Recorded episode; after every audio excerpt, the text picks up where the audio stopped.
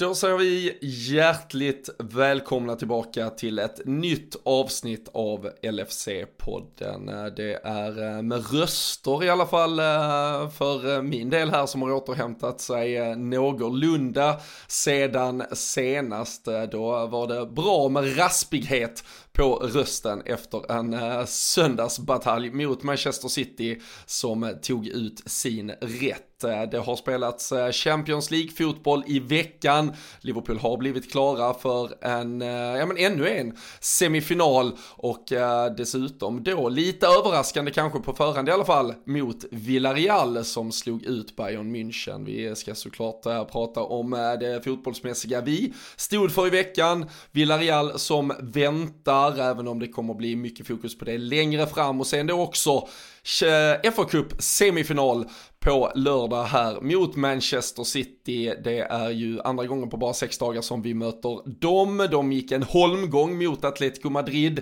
i veckan. Hur har det kanske påverkat dem kontra vad vi behövde lägga för insats på bordet för att besegra Benfica? Allt detta får ni i dagens avsnitt här av LFC-podden som vi i vanlig ordning gör tillsammans med LFC.se. Det är eh, påsktider men eh, Eh, ni kan eh, vara så säkra på att LFC.se inte bara sitter och jagar påskägg eller äter eh, god mat. De håller er uppdaterade med allt ni behöver och ni kan hänga med i surret kring Liverpool inne på LFC.se. Så är ni inte redan medlemmar idag, se till att bli det och kom ihåg att ja, men tillsammans då med LFC.se så arrangeras ju också Storträff Syd i Malmö den 7 maj. Det är Liverpool mot Tottenham. Sen avsparkstid lördag 20.45 den dagen och det lär bli en fantastisk inramning och en härlig uppslutning där. Så säkra er plats.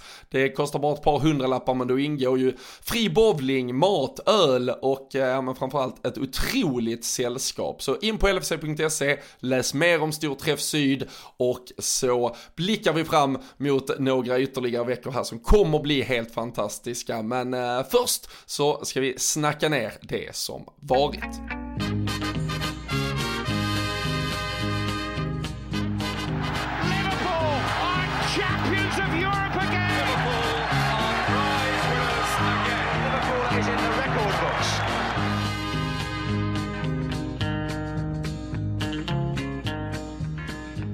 Och det är du och jag Danne som ska få äran att uh, göra detta tillsammans. Uh, du uh, var ju ute på lite Europaturné förra helgen, långhelg, semester. Det går bra nu ja. Ja men det är ju skönt att starta upp påsken med en lite långhelg inför en ny långhelg så att eh, våren, det gäller att liksom ta tillvara på våren nu framförallt efter de här åren som har, har förflutit nu när det börjar bli lite enklare att ta sig ta sig runt igen. Vi har väl, vi har väl lyckats att, komma runt lite tillsammans också här under, under de lite tuffare tiderna också. Men nu är det ju börjar ju öppna upp och vara lite enklare att ta sig runt. Så man hör säkert lite. Jag var ju inte med er i, i eh, Helsingborg och, och, på lite halv-Europa-tur ner till Danmark heller där i, i söndags eh, förra veckan när vi mötte City. Men det, det låter nog nästan lite på rösten som att jag kan ha varit där. För det, det är som vanligt när man har varit uppe i flygplan och sånt där. Man, eh, ja, man får någon liten förkylning. Det är lite det där Jocke Lundberg syndromet. Att man drar på sig någon, någon typ av förkylning varje gång man har varit iväg. Men då är det väl fint med fyra dagar här nu som, eh, ja men som du sa där, man får äta gott och eh, ja, hela de bitarna. Sen måste jag ju säga att läget försämrades ju lite. Jag vet ju eh, nu att min sån stor träff syd-streak som jag har haft här kommer ju antagligen brytas här under våren för att vi har lite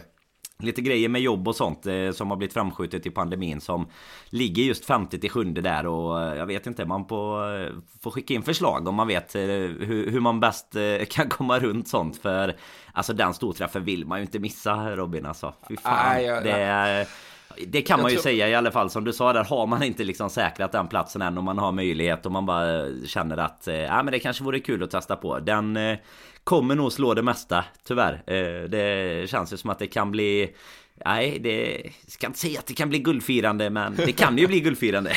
man, man minns ju, jag, jag, kan ju bara gå till mig själv, jag har ju ett av mina starkare storträff sydminnen, det är ju från just ett möte med Tottenham, det var i januari 2020, det var, det var ju verkligen på andra sidan allt det där ja. skitet som sen väntade. Men då stod en viss herre från Borås, kanske 12 öl in och lovade ett ligaguld till Liverpool. Jag vet inte om du har hört talas om honom, men Nej, jag, vilken jävla hjälte. Jag känner till han, det är en liten stad, du vet, jag känner till han.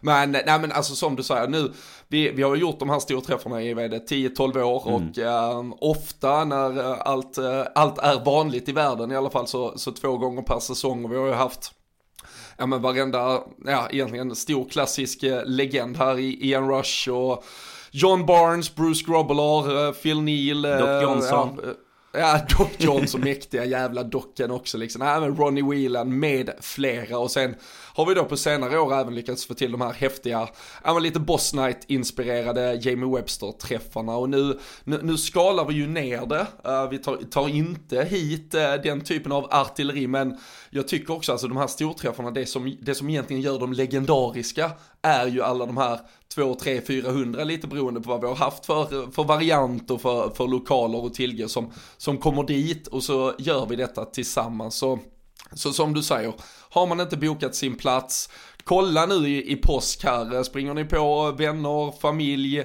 ska ni inte boka upp det. Är man medlem i supporterklubben är det 299 spänn. då ingår som sagt bowling, bärs och mat. Jag, jag, tror inte ens man får det för 299 spänn normalfallet och då ingår alltså då även hela det här jävla tjottablänget eh, som det blir. Samdods eh, kommer, eh, ja men åtminstone med sina produkter finnas på plats i någon form om man vill eh, shoppa lite där. Det kommer vara lite tävlingar, det kommer vara mycket, mycket kul grejer. Så eh, nej, in på lfc.se, läs mer. Det finns också i våra sociala medier. Så se till nu att boka er plats där så kommer det bli en för jävla häftig dag. Men äh, bara snabbt då där, hur, äh, i, du, du, var i Rom om mm. nu någon äh, missade, hur, hur såg du matchen bara för att ändå spola tillbaka till den nervositet som, som nog gällde för många Liverpool-supportrar där förra ja. söndagen. Nej men jag hade ganska tidigt, vi var ju där torsdag till måndag så att eh, i och med att matchen var så pass sent på, på resan om man säger så så hade jag ganska snabbt eh, lokaliserat ett par ställen runt, eh, men runt i närheten av hotellet liksom. Du hade spenderat tre dagar i Rom och gå och leta sportbar, det, ja, det är alltså uppskattat det, också. Det är så jäkla gött med för det finns ingenting annat att se där nere så det var liksom nej, helt perfekt, nej, man kunde bara scouta runt. Nej men eh, hittat några ställen, det var ganska snabbt faktiskt. Det fanns ett ställe som, som vi till slut hamnade på då, eh, som låg eh, väldigt nära där vi bodde så att eh, jag frågade honom typ på fredagen bara och då, då är ju alla så här, ja, eh, si, si, yeah, yes, yes, of course, we show match. Så då tänker man, ja det är inte, det där är inte säkert utan det säger han bara för att han vill sälja lite käk och lite bira. Men det visar sig till slut i alla fall att det var en bra det var en bra storbildare som man hade inne på något sånt här Vinotek typ. Så det var liksom Det var inte någon super oh. Det var inte, det var inte oh. Storträff Syd-stämning Men jag mådde och, bra och det, ändå. det var, Kan vi säga så? Det var, det, det var inte heltäckningsmattor med urin och öl Nej, blandat utan det var, faktiskt, det var, lite annan stämning. Riktigt riktigt trevligt. Så ska någon till Rom när det är match så kan jag mycket varmt rekommendera det. Så fick han eh, ut någonting av att han var väldigt trevlig mot mig i kypan där när han eh, När han löste matchen och så. Men sen slutade det med att det kom väl in vi var väl eh, 6-7 starka eh, med, med 6-7 mindre pigga eh, respektive som, som var där och kikade. Och, men de jag pratade med, någon amerikan, någon italienare faktiskt då. och så... Nej men eh, liksom i... Det, det, blir ju någonting annat när man sitter sådär. Alltså det är lite samma som på, på en storträff liksom kan jag tycka. Mot när man sitter hemma eller man sitter i en liten grupp med folk man känner väldigt bra hemma. Alltså då, då är nervositeten nästan ännu större för att man liksom bygger upp matchen så mycket precis mm. innan. För jag menar vi gjorde ju såklart massa saker innan City-matchen. Så att jag menar vi eh, kom väl dit kanske en 45 eh, minuter innan bara för att liksom då, då har man tid om han nu inte skulle visa matchen. För det var Roma samtidigt nämligen. Så då det, hade jag scoutat upp att det fanns ju ganska stor risk. Eh, men det, det verkar inte vara så, så noga där. Så att... Eh, nej, vi... Eh, det, man, man, sitter ju, man, man, blir ju ännu mer, du vet ju hur det är. Det var ju säkert samma för er som, eh, som var några järn in i elden också där. Att man eh, drar ju liksom slutsatserna ganska snabbt. Och jag menar så som matchen utvecklar sig så kan jag inte säga att... Eh, ja, i halvtid var jag ganska nöjd med att vi fick med oss ett kryss. Eh, om någon hade erbjudit det liksom. Sen eh, ja. hade väl, hade vi, vi väl lite varsin halvlek så att eh, hade väl kunnat sluta åt båda hållen. Men nej, vi får väl eh, konstatera att eh, spänningen verkligen hålls vid liv i alla fall nu för eh, våren. Alltså... Alltså Klopp, alltså vad, vad har han gjort med vårt lag om man hade gått tillbaka ja. liksom de sju åren nu. Så det är Premier League, det är Champions League och det är FA-cupen. Allt in i målsnöret och dessutom ligacuptiteln då. Det är... Nej du Robin, vilka tider vi har. Ja. It, it, it's a hell of a time to be alive och uh, vet du hur många gånger i Liverpool-historien, vår anrika historia över 130 år, där vi har varit framme i ligacup, semifinal, FA-cup, semifinal och Champions League semifinal under en och samma säsong. Jag skulle säga att det är en gång och det är denna gången. Det är det, för det betyder att du har varit inne på lfc.se och tjuvkikat. ja, nej, men det är, ju, det är ju verkligen så. Det, det är ju något, uh, ja men både unikt och, uh, ja men, men historiskt uh, helt otroligt som den här Liverpool. Och, och då ska vi alltså komma ihåg att vi går uh, toe to toe med Manchester City om det där ligaguldet mm. också. Um, så, så det är ju inte bara en det är ju inte bara en kvadruppel som man matematiskt kan, eller teoretiskt kan prata om för att man är kvar, utan vi är ju verkligen in it to win it. Eh, nu hade man väl räknat ut, eh, jag såg något statistikföretag som gav väl både Liverpool och Manchester City till exempel 42% var då chans att eh, vinna Champions League till exempel. Liverpool var väl det laget som hade bäst procentuell chans att gå till final med tanke på att man då värderar oss kontra Villarreal starkare än vad man värderar City mot Real. Men sen då att de lagen eventuellt skulle kunna sätta någon käpp i hjulet för Liverpool vid, ett, eh, vid en eventuell eh, final i så fall. Men äh, det, är, det är hell of a ride och äh, med det och för att bara återlägga ytterligare sådana här egentligen helt sjuka milstolpar till det så kan man ju faktiskt gå tillbaka till onsdagens match Danne och titta på den bänk som vi ställer upp med i en Champions League kvartsfinal. Där finns Mohamed Salah, Sadio Mané, Virgil van Dijk, Fabinho, Thiago, Trent Alexander-Arnold för att bara nämna några. Vi roterar eh, sju spelare, Alisson Becker är kvar i målet, sen är det bara tre spelare, det är Matip, Henderson och Diogo Jota från, från City-matchen som startar i en eh, Champions League-kvartsfinal. Och eh, må så vara att uh, det, det, det rann på lite och det blev lite, lite Hawaii och slutar 3-3 till slut men, uh, men ja, alltså som en neutral åskådare så, så tror jag ingen satt och var jättenervös över att Liverpool höll på eller nervös eller trodde ens att uh, drömmen levde för Benfica och följde man till exempel live-oddsen under hela matchen så, så var det ju absolut ingen som, som börjar tippa över och, och tro att Benfica gjorde något. Och det är med de här förutsättningarna. Det är, det, det, det är faktiskt helt, helt otroligt, det som det här Liverpool-laget sysslar med. Jo, men bara att vi liksom har möjligheten att göra det. alltså att man har satt sig i situationen där man kan rotera i stort sett hela laget eh, i en kvartsfinal i Champions League. Det är ju liksom... Alltså det, det, är samma sak som vi pratade om där. Alltså nu, nu om vi skulle ta oss till final, det är Klopps tredje i så fall. Eh, och jag menar på så så kort tid så... ursäkta, det är ju rösten ni hör ju. Nej men då, jag menar det är ju bara, bara att liksom ta sig till eh, den här typen av matcher är ju så, sånt som vi liksom har kunnat eh, drömma om. Vi ska vara liksom bland topp 8, topp 16 säger vi då i Europa när man tar sig till eh, slutspelet. Men att sen också liksom kunna, ja men åka till Lissabon och bara städa bort det lite och kunna rotera i andra matchen. Det, det är liksom någon ny sorts, det, det är ytterligare en nivå än att du bara är med bland de åtta bästa. Utan det är liksom att du är bland Ja men som, som men du, du, ju du, skrev på Twitter där, det är ju City och Liverpool av de brittiska lagen nu liksom. Det är ju topp två egentligen. Det är ju inte, handlar ju inte om att det är något eh, topp sex eller topp fyra eller så längre. Utan det är ju liksom, visst Chelsea var med länge också sådär men det är ju en, det är en helt ny sorts nivå som vi har satt egentligen på, på vart vi är någonstans. Mm. Ja, ja, och det att, alltså att defilera in i, i mål i en Champions League-kvartsfinal. Eh, det, det är ju det är otroligt. Sen, sen ska det ju verkligen sägas, det, det här är ju ett Liverpool-lag som för, för några år sedan, om man hade satt de här spelarna på bänken så hade ju startelvan varit så pass svag så att man verkligen hade behövt vara nervös. Nu, eh, nu tycker jag ju när man tittar på ja men en, en fronttrio med Roberto Firmino, Diogo Jota och Luis Diaz, eh, speciellt med tanke på hur, hur både Luis Diaz och eh, Diogo Jota har flugit fram den här säsongen, eh, den ena då hela säsongen och den andra sen januari när han anslut så, så jag var ju där massvis med uh, kvalitet för att kunna vinna matchen åt oss. Mm. Uh, man kan säga vad man vill om uh, både Jordan Henderson, James Milner, men, men det mittfältet är ju ett, ja, men det är ett bra internationellt mittfält som i alla fall ska, ska hålla för att inte förlora en fotbollsmatch på hemmaplan mot Benfica och sen är det ju en backlinje där där jag tycker att vi kanske ändå måste stanna upp framförallt vid Kostas Simikas som, eh, jag tror det var väl hans totalt då sjunde eller åttonde assist till slut bara den här säsongen han kommer upp i.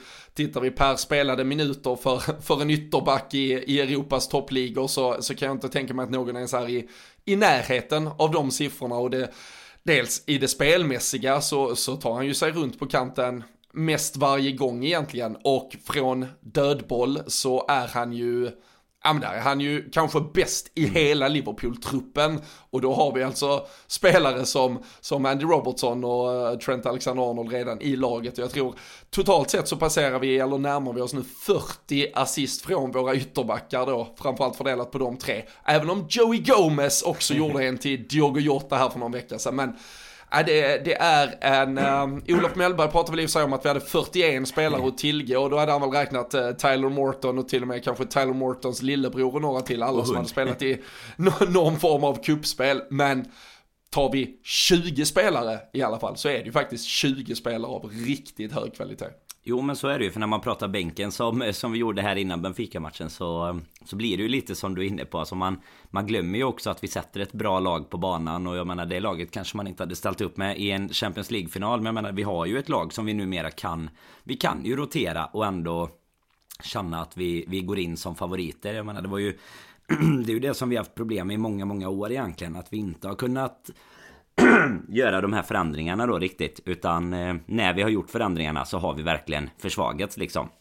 Sen är det väl eh, alltså få förunnat med utöver kanske Manchester City egentligen att man också då kan kan vila sina spelare. Alltså man kan verkligen om vi om, har rätt dag om man säger så med, med de bästa spelarna i första mötet. Och eller i till exempel då Jag vet inte nu har vi ju nu har vi ju liksom kuppfinaler i varje match som återstår egentligen även i ligan såklart. Men jag menar i, i mitten av Premier League så kan du även ställa upp med det här laget som vi ställer upp med mot Benfica och ändå känna sig som favoriter mot eh, egentligen alla lag från, eh, ja men i alla fall typ under topp 4 i, i ligan liksom. Så att det är ju verkligen inga, inga eh, dussinspelare och juniorer som vi kastar in när vi väl roterar heller. Och jag menar en Firmino till exempel som får göra lite mål igen. Han har ju också ett otroligt målsnitt egentligen den här säsongen sett till minuter han har spelat. Vi har tillsammans då med Simikas, även om jag inte tycker han... Nu har ju inte han spelat så mycket det sista och så, men om man kollar Minamino som vi har pratat om innan. Jag menar som verkligen i, i ligacupen då framförallt har bidragit med mål och sådär. Jag menar många av dem har ju superstats om du kollar på liksom poäng eller assist eller mål ja. på spelade minuter egentligen. Och lite det här som Simikas hade i början av säsongen. Jag kommer inte ihåg hur många matcher det var nu men du vet det var ju det här vi, vi höll ju nollan varje gång han spelade också liksom.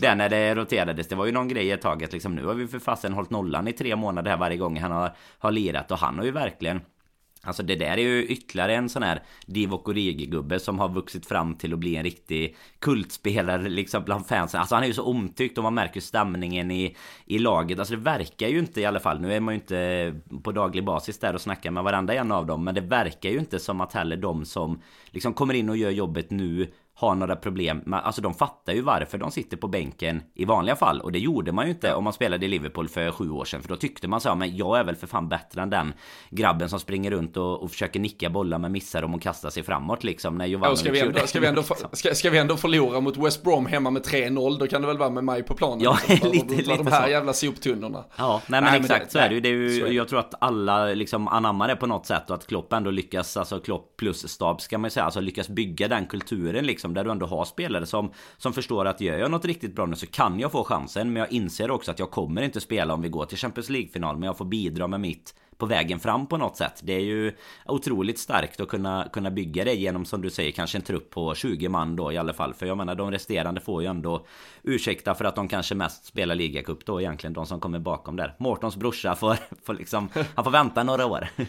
Ja, ja och, och jag tycker att man kanske för första gången ja men nästan någonsin i det som, det som vi refererar till som, som den eh, moderna, lite förstörda eh, fotbollshistorien sen, sen pengar pumpades in på, på bisarra nivåer i fotbollsklubbar. Måste kanske se med tanke på den utvecklingen som väldigt många Liverpool-spelare har haft, att jag tycker att vi till och med truppmässigt nu står på, ja men faktiskt minst samma nivå som Manchester City och eventuellt ja men tittar man på 20 spelare, tittar du på 13-14 spelare så finns det absolut, de, de har fortfarande, ställer de upp med ja, men som, som mot Atletico som, som på, de, de kan ju såklart välja lite spelar, eh, alltså spelartyper som de kan anpassa på ett sätt. Men mot Atletico borta så spelar de väl då vad, vad som ändå ska vara deras absolut bästa lag för att kunna ta sig vidare där. De gör ju också bara två förändringar mot den elvan de har mot oss. Det, det var väl Sterling och Jesus som gick ut och så spelar man, de spelar inte eh, samma det här djupledshotet som de försökte använda mot oss. Men annars var det väldigt mycket intakt och då har de alltså, nu var Jesus avstängd mot Atletico. Men det, det de har på bänken är i så fall Sterling Grealish, Ake, eh, eller Ake, Diaz, Sinchenko, Fernandinho. Det är deras A-lagsspelare som sitter på bänken. Och, och tittar du på att vi ställer upp med vår star, bästa elva så att säga och i så fall har, ja men offensivt så kanske vi har Firmino och eh, Luis Diaz på bänken istället för deras typ Sterling, Jesus eller Sterling mm. Grealish. Vi har eventuellt, ja, beroende på vad Klopp väljer så kan det vara en Thiago eller en Keita på mittfältet istället för någon av de här som de har då. Och defensivt då så har vi ju spelare som till exempel Kunate, Joe Gomez, uh, Tsimikas istället för en Sinchenko om man vill uh, göra så, uh, liksom like for like uh, jämförelser. Så det, vi, vi är ju faktiskt på en nivå, alltså det är ju fortfarande än mer imponerande med tanke på om vi då går på det ekonomiska och tittar på sättet vi ja. har tillskansat oss truppen. Men tittar vi bara plain på det, det sportsliga nu så tycker jag det faktiskt blir, vi, vi har gjort det genom att själv förädla talang och förädla spelare som inte var på nivån att de kostade en miljard för att du skulle införskaffa dem. Men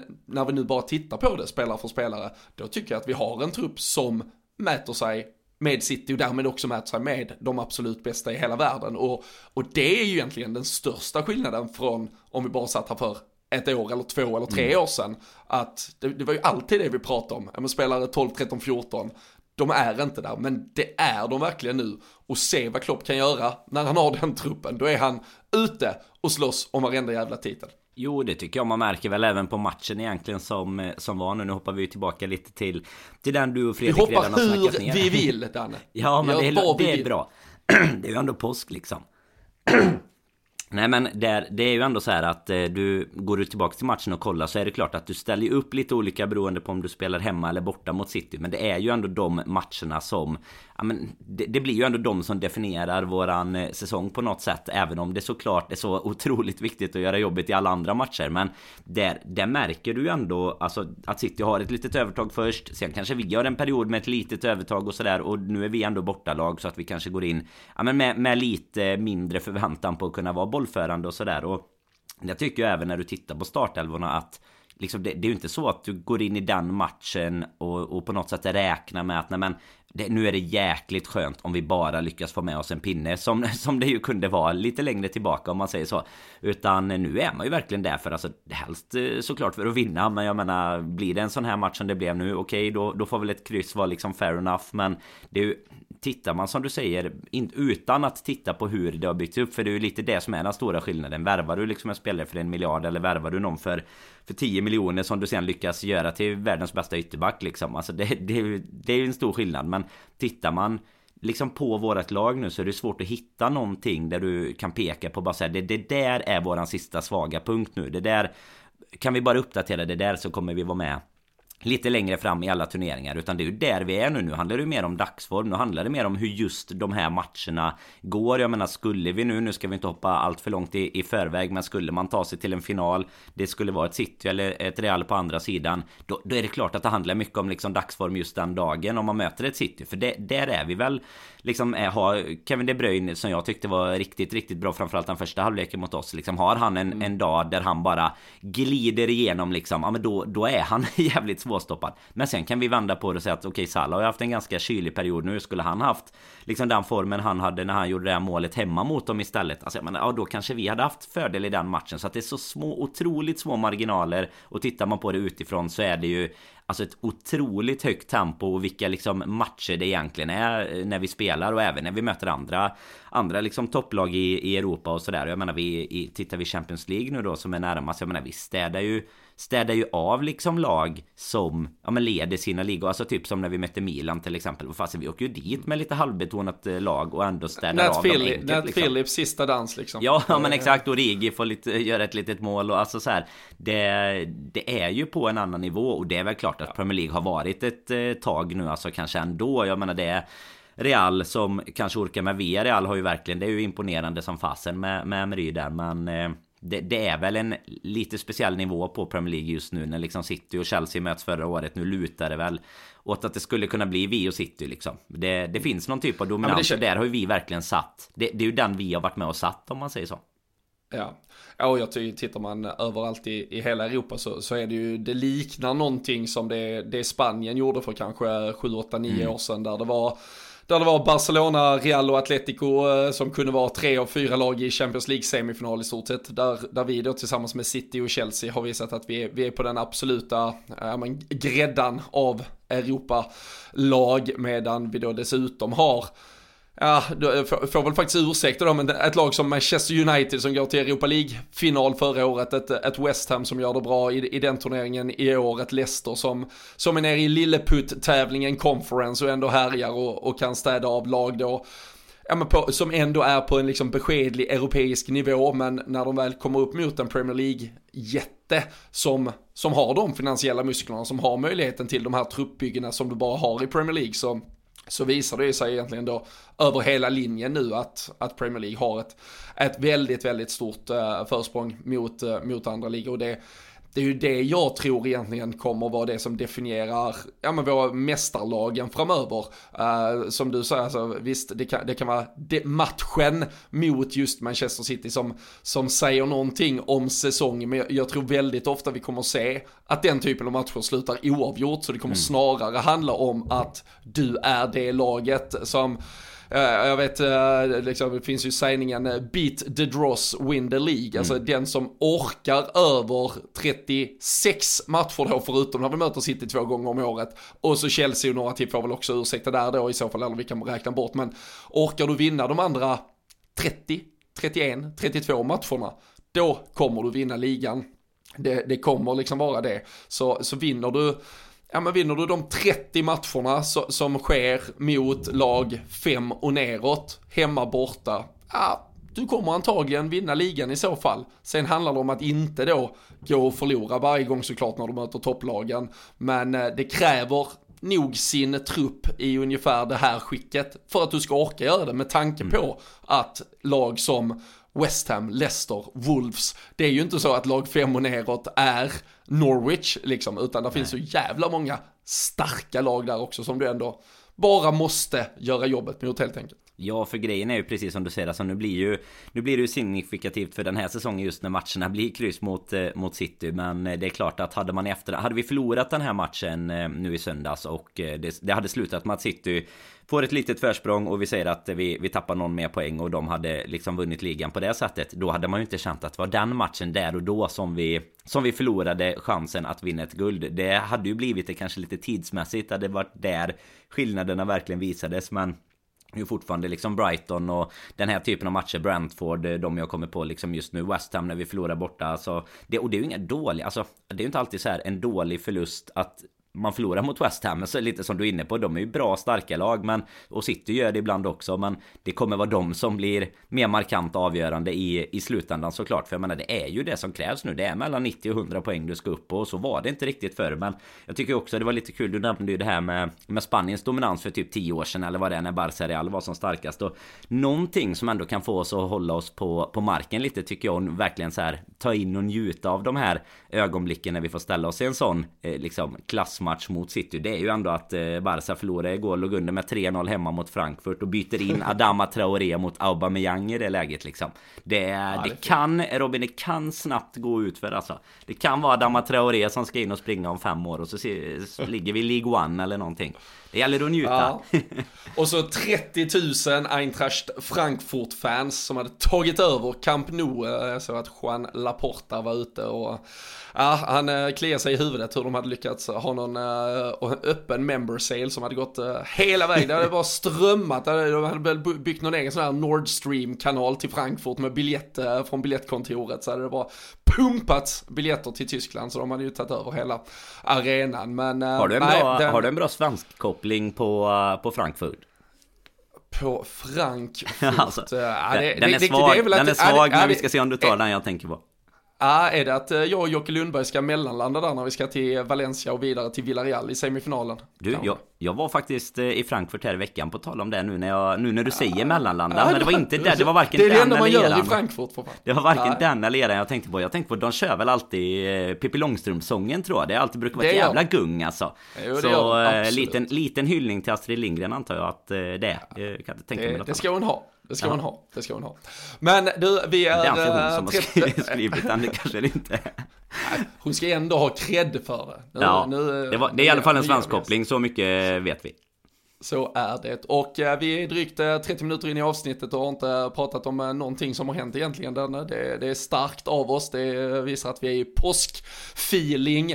Men vad finns där något du tycker vi ska ta med? Vi nämnde ju Kostas Simikas som såklart med sina två inlägg och eh, sin känsliga vänsterfot eh, låg bakom mycket här. Men eh, man kan ju inte heller inte prata om Roberto Firmino som både gör två mål och eh, framförallt så eh, firar han varenda mål oavsett om man gör dem själv eller om det är Ibo Kunate med att eh, komma flykickandes och eh, spexa som han gör allra bäst. Och jag har sagt det förr, men jag tycker vi ska säga det igen. Livet är lite, lite roligare när Roberto Firmino gör mål. Ja men det är, det är det definitivt. Det skriver jag under på varje dag i veckan. Nej men det är väl de. Eh, jag tycker väl som du säger. Vi behöver väl inte lyfta mycket mer kring själva matchen i sig. Det blir lite lite fram och tillbaka i och med att eh, vi har väl ganska, alltså Benfica måste ju gå för det, det sista när de liksom hämtar upp litet underläge och vi har väl inte jättemycket oro för, för något annat där. Men det är väl Simikas och Firmino man kan lyfta främst och sen eh,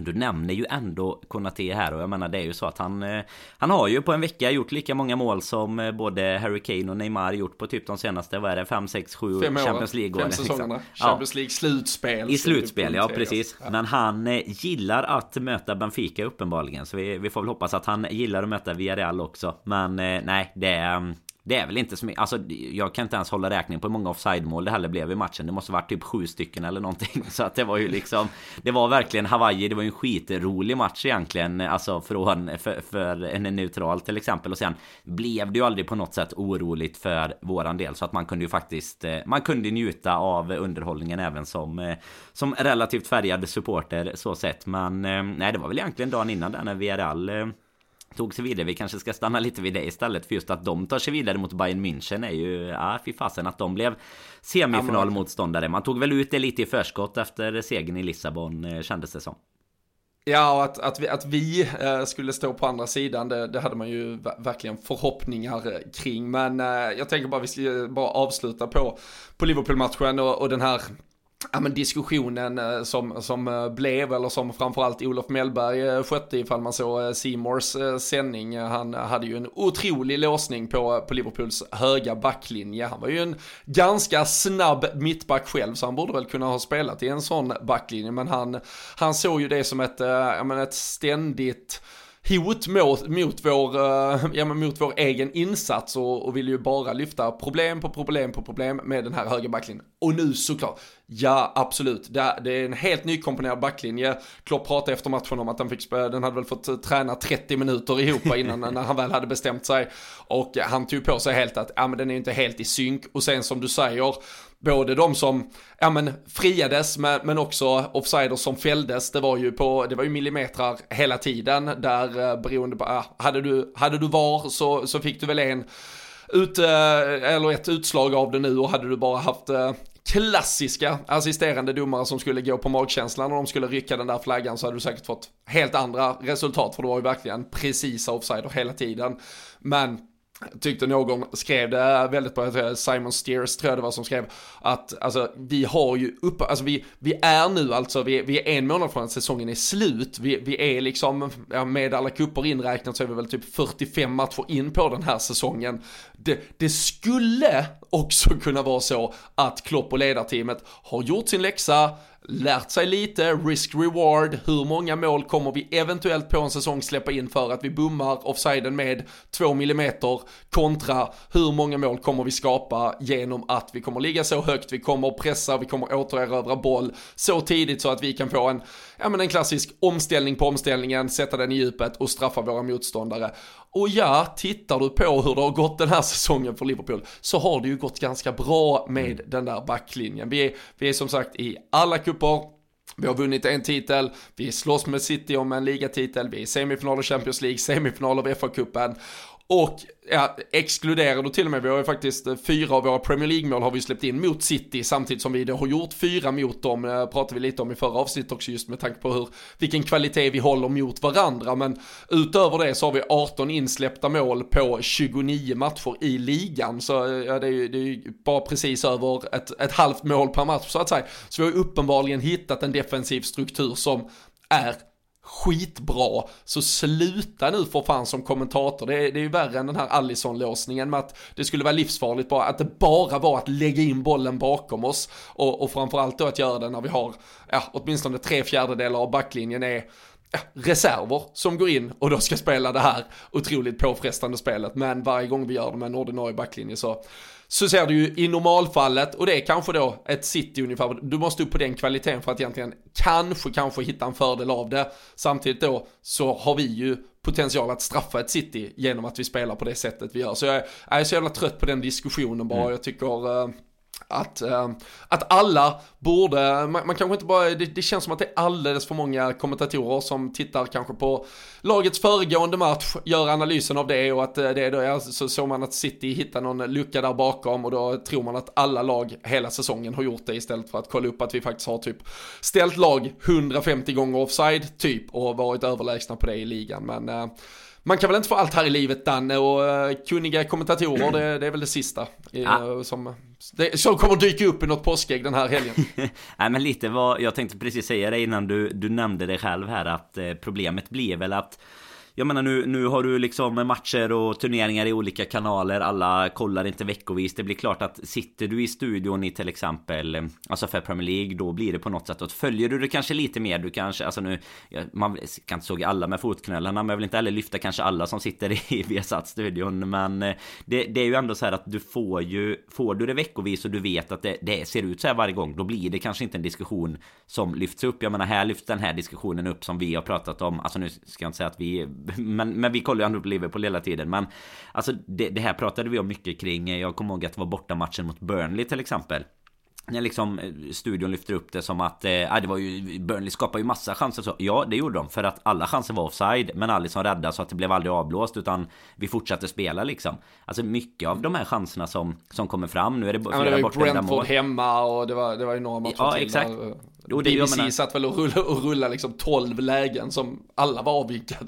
Ja, ja men allt för, allt för att typ sänka liksom Liverpool så mycket som möjligt typ. Och jag menar nu, nu satt inte jag och kollade på just eh, den sanningen faktiskt. Satt och kollade Peter Crouch på BT där och han pratar inte om det. Men han har ju ett annat fågelperspektiv också. Så att han kanske såg offsiden tidigt. Men jag tycker att det blir så tröttsamt med diskussionerna. För jag menar nu senast eh, var det liksom Kim Källström också. Det här med Diogo Jota som du och jag diskuterade i något avsnitt. Ah, han är ju inte känd ja. som någon nickspecialist. Jo men det är faktiskt exakt det han har blivit det sista sista liksom att han, han sätter Men- nästan men- alltid bollen med huvudet liksom. Och jag menar de här Ja, diskussionerna kommer ju återkommande och kan du då inte ens, alltså detta har ju varit Ja, ja, alltså det har ju varit så här i, i flera säsonger liksom Även om nu det har liksom kanske förfinats för varje år. Men jag menar vi spelar ju med en hög backlinje. Vi hade ju ett jätteproblem ett tag när Klopp liksom introducerade det här. Och det kanske inte alltid riktigt stämde Utan vi, vi släppte in en hel del bollar på att vi kanske spelade lite för högt. Men nu har vi liksom kommit in i det. Vi släpper inte in särskilt mycket mål. Och att då sitta och klaga på det här Dessutom är lite som du säger då i en, i en match där backlinjen är, är helt liksom ny med att spela tillsammans Och vi dessutom egentligen Alltså hade vi behövt det så hade vi inte släppt in några mål i slutet där heller Utan hade vi behövt vinna med,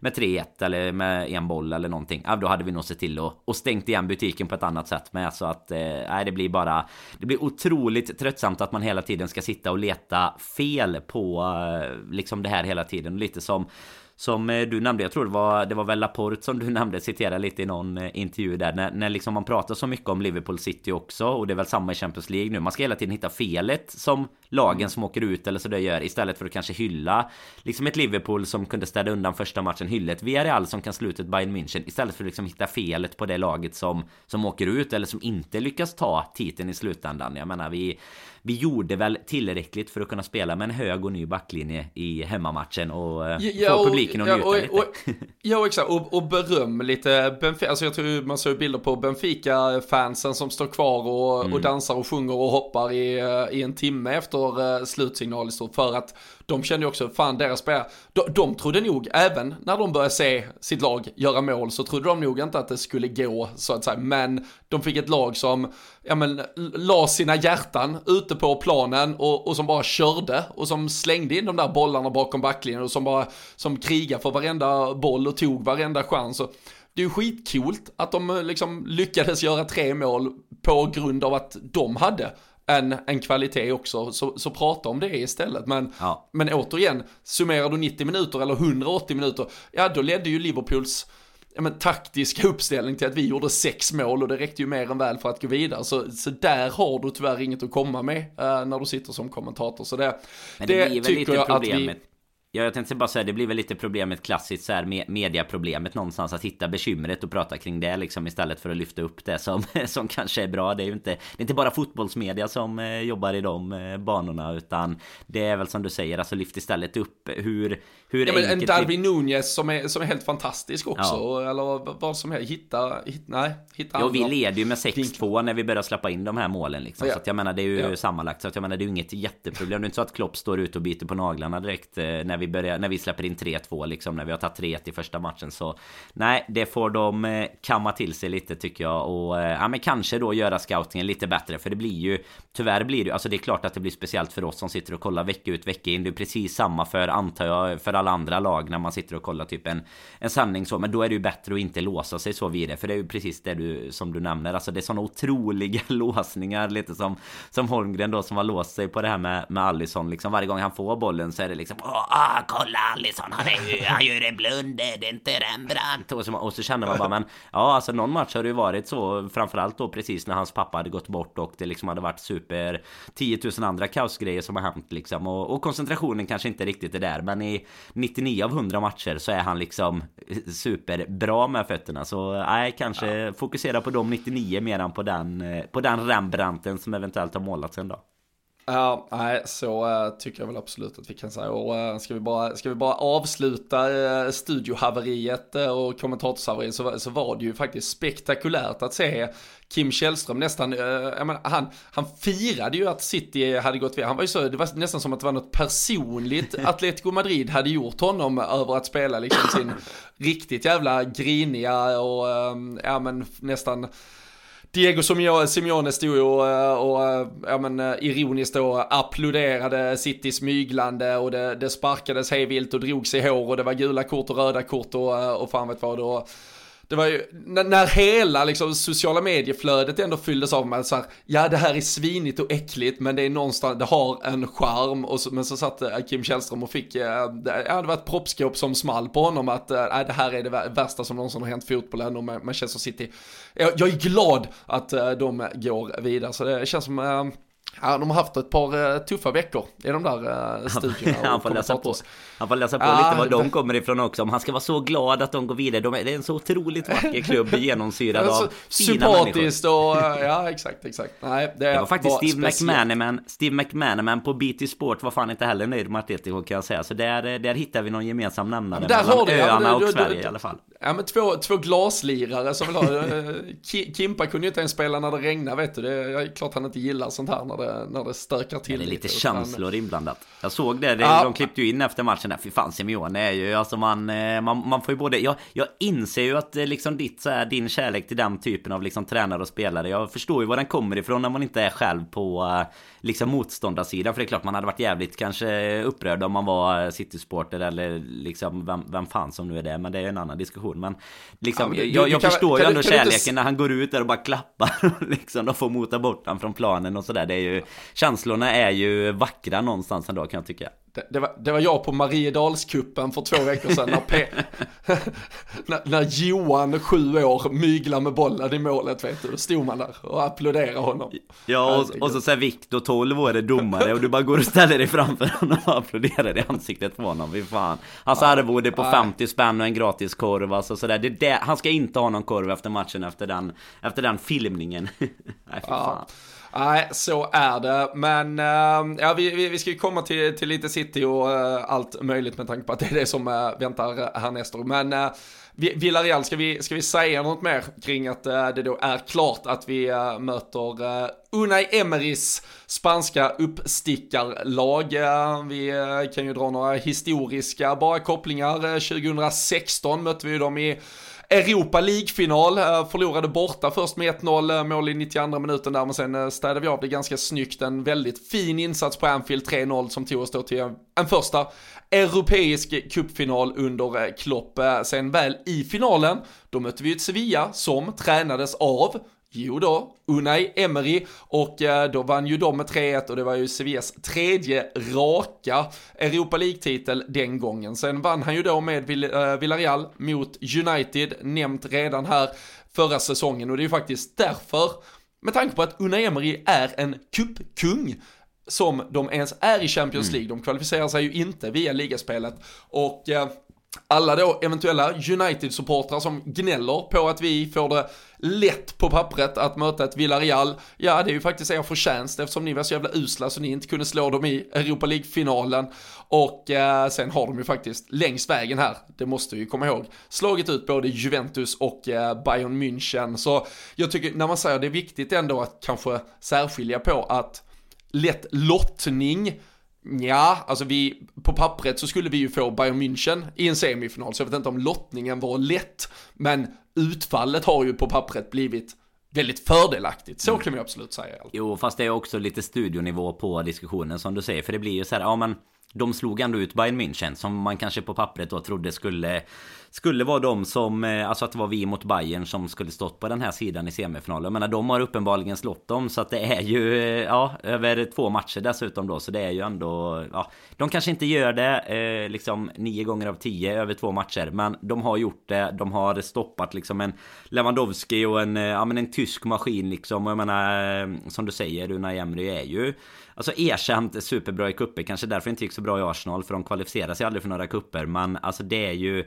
Alltså fyra, egentligen, ja men titlar i, eh, i Europa League då. Vi har ju, alltså vet inte, alltså de är väl Ska man titta på det så här lite på förhand de, de spelar väl lite eh, Atletico fast utan kanske det här sista applåderna framför näsan på domaren då till exempel och myglandet av eh, Emre Han är lite mer Lite mer trevlig good evening eh, nivå på honom. Men det är fortfarande Det är ju en liksom solid defensiv och eh, spela över 180 minuter snarare än 90 om man säger så. Alltså verkligen möjligheten och förmågan att anpassa sig till Till motståndet och ja men försöka stänga ner tycker jag motståndarlagets styrka styrkor mer än vad det kanske handlar om att utnyttja liksom sina egna eh, offensivt i alla fall utan, utan mer kanske defensivt då. Och sen som du säger då är ju bevisligen då verkligen eh, kuppkungar på det sättet i och med att de inte ens över liksom ligaspel lyckas kvalificera sig men ändå tar sig så här långt på att ha vunnit då Europa League och sen eh, ja men och sen eh, segla förbi både då bland annat Juventus och eh, nu Bayern München. Så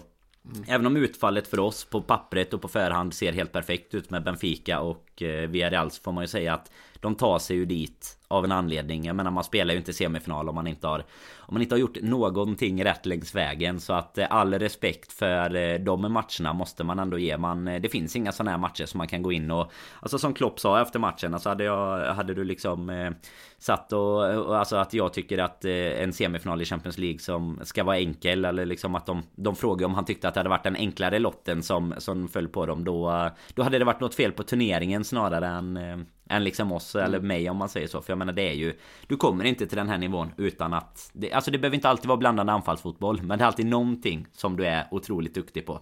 Så nej det kommer ju bli två otroliga matcher också såklart. Det, Vi var ju på den just nämnde Europa League hemmamatchen ja, där Så vi har ju go goda minnen från eh, Villarreal i alla fall Det får man ju säga Ja, det har vi ju framförallt då för att återknyta till eh, Roberto Firmino så var det ju hans lilla eh, Cruyff-klack, eh, tunnel mm. på Soldado var det väl den gången han tog sig runt på kanten. Det var den stora behållningen och delikatessen från, eh, från den matchen. Och så gjorde Adam Lallana mål också, min favoritspelare genom tiderna i Liverpool. Bara en sån sak också Danne. Men äh, om man för fyra fem år sedan frågade någon om man trodde att vi skulle springa på Roberto Moreno i en Champions League-semifinal lite längre fram i våra karriärer, då kanske man inte hade svarat ja på den frågan. Nu är han ju skadad tyvärr så han kommer ju inte komma till spel men han tillhör ju den här Villarreal-truppen. Mm. Det var ju någon som hade lagt ut en ganska kul bild på Alberto Moreno och eh, Filipe Coutinho från när de spelade tillsammans i Liverpool kanske var runt ja, 2017 eller något sånt. När det, hade, hade du frågat oss här, här och nu, vem kommer att spela Champions League semifinal och vem kommer att spela i Aston Villa om fem år? Då hade jag inte kunnat gissa rätt. Alltså det, det, det får man fan ändå ge dem. Ja, det var väl just den nämnde finalen också som han hade det ganska tufft. Du nämnde Sevilla-finalen ja, där. Den var ju... Det är väldigt jobbigt där ja. Den, det, det, var, det var en backlinje som var mer osynkad än den vi ställde upp med som hade tränat i 30 minuter tillsammans i onsdags. kan, vi, kan, vi, kan vi konstatera. Det var väl nu sätter jag nog inte den andra mitten, men det, är, men det är ju Moreno, Klein och Lovren i alla fall. Så minns jag fan inte, startar vi Kolo Touré kanske i finalen? Eller startar vi Ja, det, Nej, det är... Ja, ja. det, det får vi gissa det... bara. Ja, fy fasen. Men Moreno har ju vunnit. Moreno har ju ändå vunnit eh, hjärtarna efter United där ändå. När han, det finns ju det där klassiska klippet när han ja. sitter med Goodbye, goodbye. han är ju, ja. han är ju, han, han har eh, verkligen sin charm killen. Det är lite synd att han är ja, skadad som du säger. Nu, nu, precis, nu när vi inte själv behöver se honom spela fotboll i våran matchtröja. Mm. Då är han ju jättelätt älskad. Det det har ju liksom blivit svårare med spelare som Dejan Lovren och andra med tanke på att de verkar vara helt jävla blåsta i huvudet när, man, när man hör åsikter de har kring äh, saker och ting. Men Alberto Moreno, han är ju, han är ju bara en glad skit liksom. Så det, ja. han, eh, han behåller vi i våra hjärtan. Men eh, ja, semifinaler väntar. Eh, det är eh, först och här sista, ja men sista midweeken i april och sen första i maj också som detta avgörs. Så nu är Klopp ute på krigsstigen kring att vi har en tidig avsparkstid lördag 12.30 12 engelsk tid mot Newcastle däremellan. Vi får se, vi hade väl lämnat in någon skrivelse eh, till eh, både Premier League och BT och eh, jag vill egentligen minnas från tidigare den här säsongen att tv-bolagen hade gått ut med spelar du Champions League onsdag kväll ska du inte behöva spela tidig kickoff lördagen. Men det, är väl sånt här de kanske säger. Och sen så kan de göra lite vad de vill. Men vi får hoppas att de kanske kan styra upp det lite. Vi kommer återkomma till de här semifinalerna i Champions League längre fram. Men eh, på eh, lördag, ja, imorgon redan när det, det är fullt ös, det, det, är full fart här, så har vi ju en annan semifinal och eh, då är vi ju redan på Wembley för att slåss om en plats återigen på Wembley mm. i, om exakt en månad faktiskt, tror det är 15 maj som finalen spelas. Eh, Manchester City, precis som vi då, ute i action redan i, eller här i onsdags. De, som jag sa, de vilade bara två spelare från eh, sin startelva medan vi då eh, ja, men, roterade runt på hela laget, gjorde många byten, många som bara spelade 50-60 minuter, flera av våra stora stjärnor som kom in och bara gjorde en dryg halvtimme, medan City fick, eh, ja men, eh, fick verkligen fightas ut varenda blodsdropp droppe i typ 112 minuter på Wanda Metropolitano.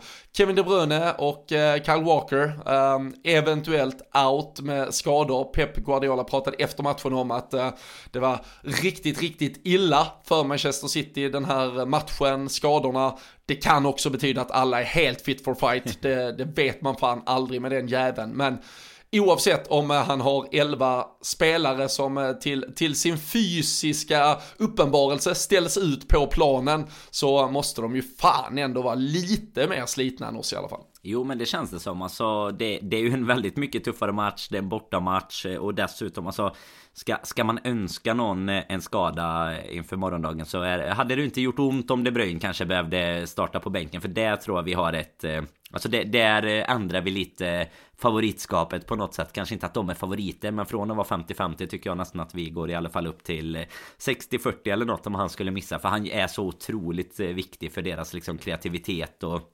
Framförallt i de här stormatcherna där han kan kan utmärka sig lite tycker jag. Och han har ju haft eh, väldigt bra facit mot oss dessutom. Så det hade väl varit Ganska skönt. Men det måste ju som du säger också ligga Ligga dem lite i fatet. Att det både är liksom tuff, alltså tufft motstånd Att det blir match ända in på mållinjen om man säger så Jämfört där vi ändå kunde både rotera och eh, Ja men lite spela av matchen på ett annat sätt. Och, och dessutom kanske inte lika fysiskt då. Så att eh, Nej man får greppa sina halmstrån och Känna nu, är, nu står vi ju som bortalag men det är ju inte det. Det är ju mer eh, liksom Anfield South än något annat också. Så att Känns ju lite hemmamatchkänsla på den här På den här bataljen nu. Så att Nej fy fasen. Ja, det, känns ju, det, känns ju snar, det känns ju snarare som att vi gör en Eintracht eh, Frankfurt på Camp Nou här och har eh, biljetter i eh, delar av Wembley som inte är vår än att City på något sätt har någon favör här. Det, General det, sale mellan 13 och, och 15 imorgon för att köpa Citybiljetter inför ja, matchen. Du, du kan ju köpa något, äh, något, något,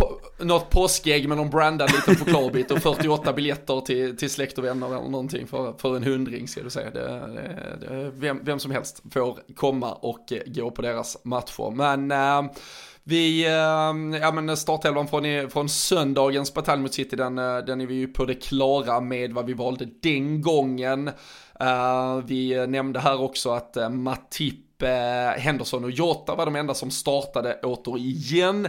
Tror du det kan vara någon liten signal på att det är spelare som då utgår till den här elvan om man tänker att alla spelare max ska spela två matcher var inom loppet här då på bara 6-7 dagar. Um, det finns ju i så fall ganska givna ersättare till exempel att en Kunate skulle gå in som mittback, uh, mm. Keita skulle gå in istället för Henderson och en Luis Diaz eller Roberto Firmino skulle gå in istället för Diogo Jota. Ja, Jota går ju ändå ut där efter typ 60 eller vad det är mot, eh, mot Salah. Det är väl i och för sig Henderson också i samma byte. Ja. Men jag skulle nog kunna tänka mig att vi, vi siktar mot ett ganska liknande lag faktiskt. Han gör ju även mål där Jota liksom och har eh, ja, men ytterligare någon chans och, och är väldigt bra i matchen. Så att jag hade ju jag hade gärna sett egentligen samma elva. men att kanske en, en Henderson mot en, eh, ja, men en Keita till exempel då. Alltså att det bara är egentligen det som vi vi förändrar för att eh, titta på Benfica-matchen så är det ju mycket förändringar men Nej, inte annars eh, vill jag nog inte ha för mycket. Alltså, sen hade väl om Dia spelar istället för Jota från start inget jag hade suttit och gråtit för heller när startelvan kommer imorgon. Men mittbacksaktigt så kan det ju vara lite. Vi vet ju hur det är med Matip också. Eh, det, det är ju inte alltid liksom alla matcher ända in på mållinjen kanske och lite samma sak där. Hade då en Konate spelat istället kommit in i lite målform nu dessutom ju så mm -hmm. Så hade jag väl inte Hade väl inte känt någon panik ja, det, men Ja vad sa ja, nej, nej och det, det jag tycker där kanske det, det som man får med Matip och det som vi det, det vi har kunnat njuta av hela den här säsongen det är ju hans hans bolltransport mm. upp i banan till exempel. Och den, det utrymmet har du inte mot Manchester City igen. Alltså, vi kan vara ganska nöjda med att van Dijk står för det bollfördelandet och kanske att vi lägger en lite längre boll, tar oss ur den första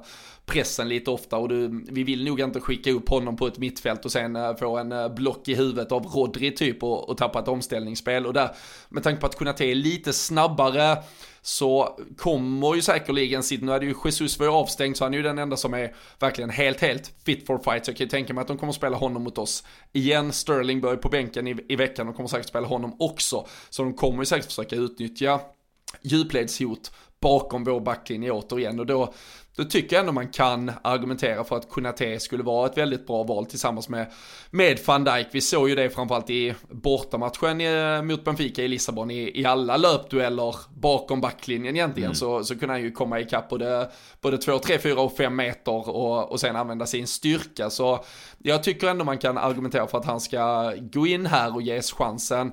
Och sen så, det jag kanske till, jag, jag, tycker absolut att Keita ska gå in istället för Henderson. Jag vill ju se Fabinho, Thiago, Keita, det är nog ingen hemlighet. Och sen att Diogo Jota för alla fantastiska mål han gör och eh, vilken eh, jävla edge han har skaffat sig den här säsongen.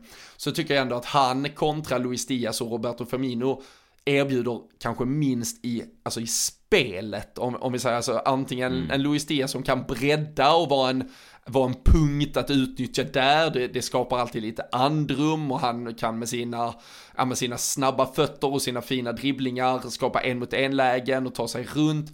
Eller så väljer du en Firmino som du kan involvera, som kan sjunka tillbaka lite, som kan ligga som en ettrig jävel på en Rodri, som, som kan göra ett ja, men ett större jobb i spelet. Det, det är kanske pyttelite för lyxigt att ha Diogo Jota mot ett lag som City. Det, det kan vara mycket väl att vi, vi väljer honom och samma sak. Så länge han då gör, gör mål så, så kan du kanske ja, du kan ta höjd för en liten avsaknad i arbetsprestation i övrigt, men jag, jag hade faktiskt valt, eh, om vi tar eh, förra veckans elva så hade jag tagit in Kunate istället för Matip, jag hade tagit in Keita istället för eh, Henderson och så hade jag tagit in Firmino istället för Jota från start imorgon mot City i alla fall. Jag hade faktiskt förväntat mig Firmino i eh, förra söndagens match där. Alltså i och med att man känner lite som du säger, du, du tappar ju Alltså mittfälts, alltså han, han, han droppar ju också ner och pressar lite på ja, deras länken, defensiva ja. mittfältare som du säger, jajamän Och det var ju City bättre än oss senast. Och lite även få in kanske en Keita mot Henderson då. Den, Där är vi ju överens redan från början. Men Jag tror också att fördelen också med både Jota och Diaz egentligen är ju att båda kan ju komma in som Alltså liksom, eh, alltså komma in med energi i, eh, redan i halvtid eller i 60 minuten där jag tycker att Firmino är mycket mer av en startspelare. Liksom det är där du liksom någonstans vill sätta matchen, du vill känna nivån.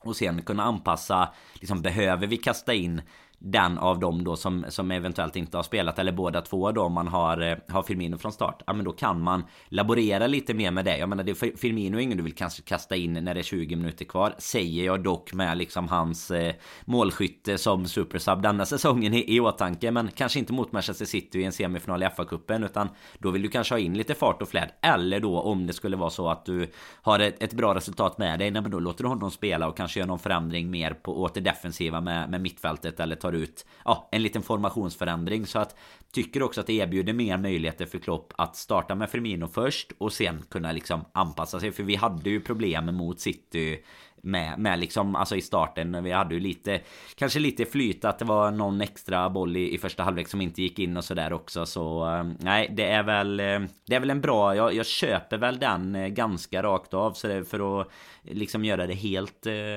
helt eh, liksom odynamiskt i den här podden egentligen. Mm. Att vi bara köper ja, varandra. Ja. vi, vi, köper bara varandra. vad fan ska vi, vi göra? Men, men Klopp, Klopp lyssnar ju så, att vad ska vi säga liksom? Ja. Vi måste ge han tipsen här nu. Ja men så, så är det ju. Så, så är det ju fem byten också uh, här som uh, kan ah. ge en annan dimension än till uh, förra veckans match eventuellt.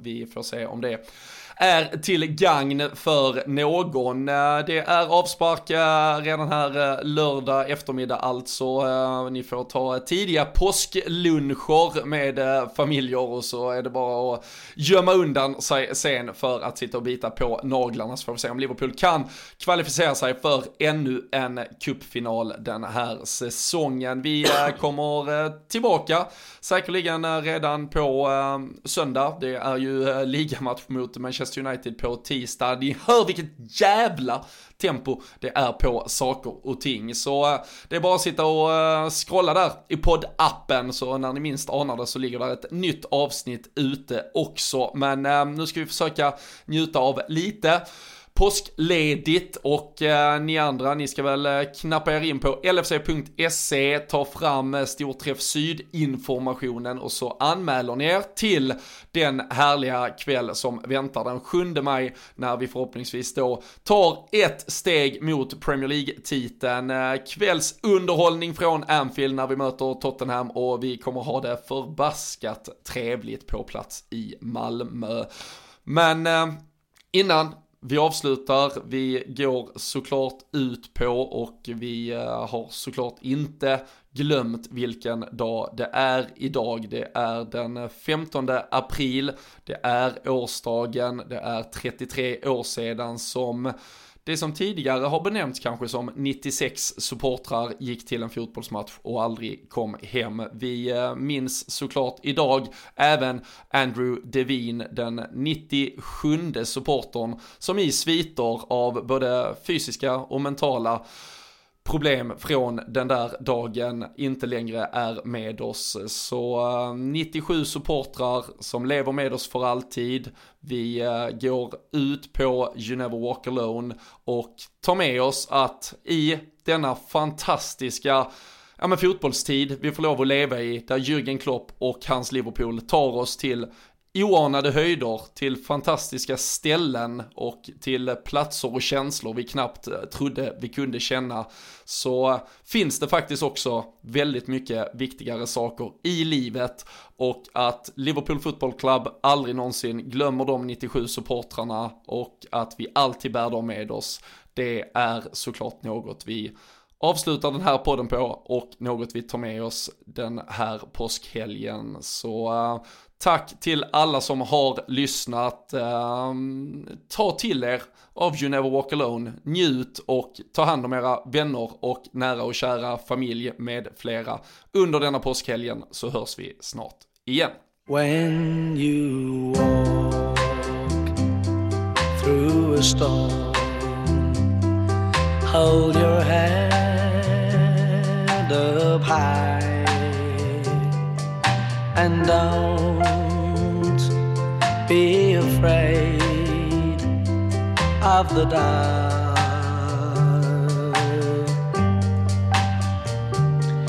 At the end of a storm, there's a golden sky and the sweet silver song of love.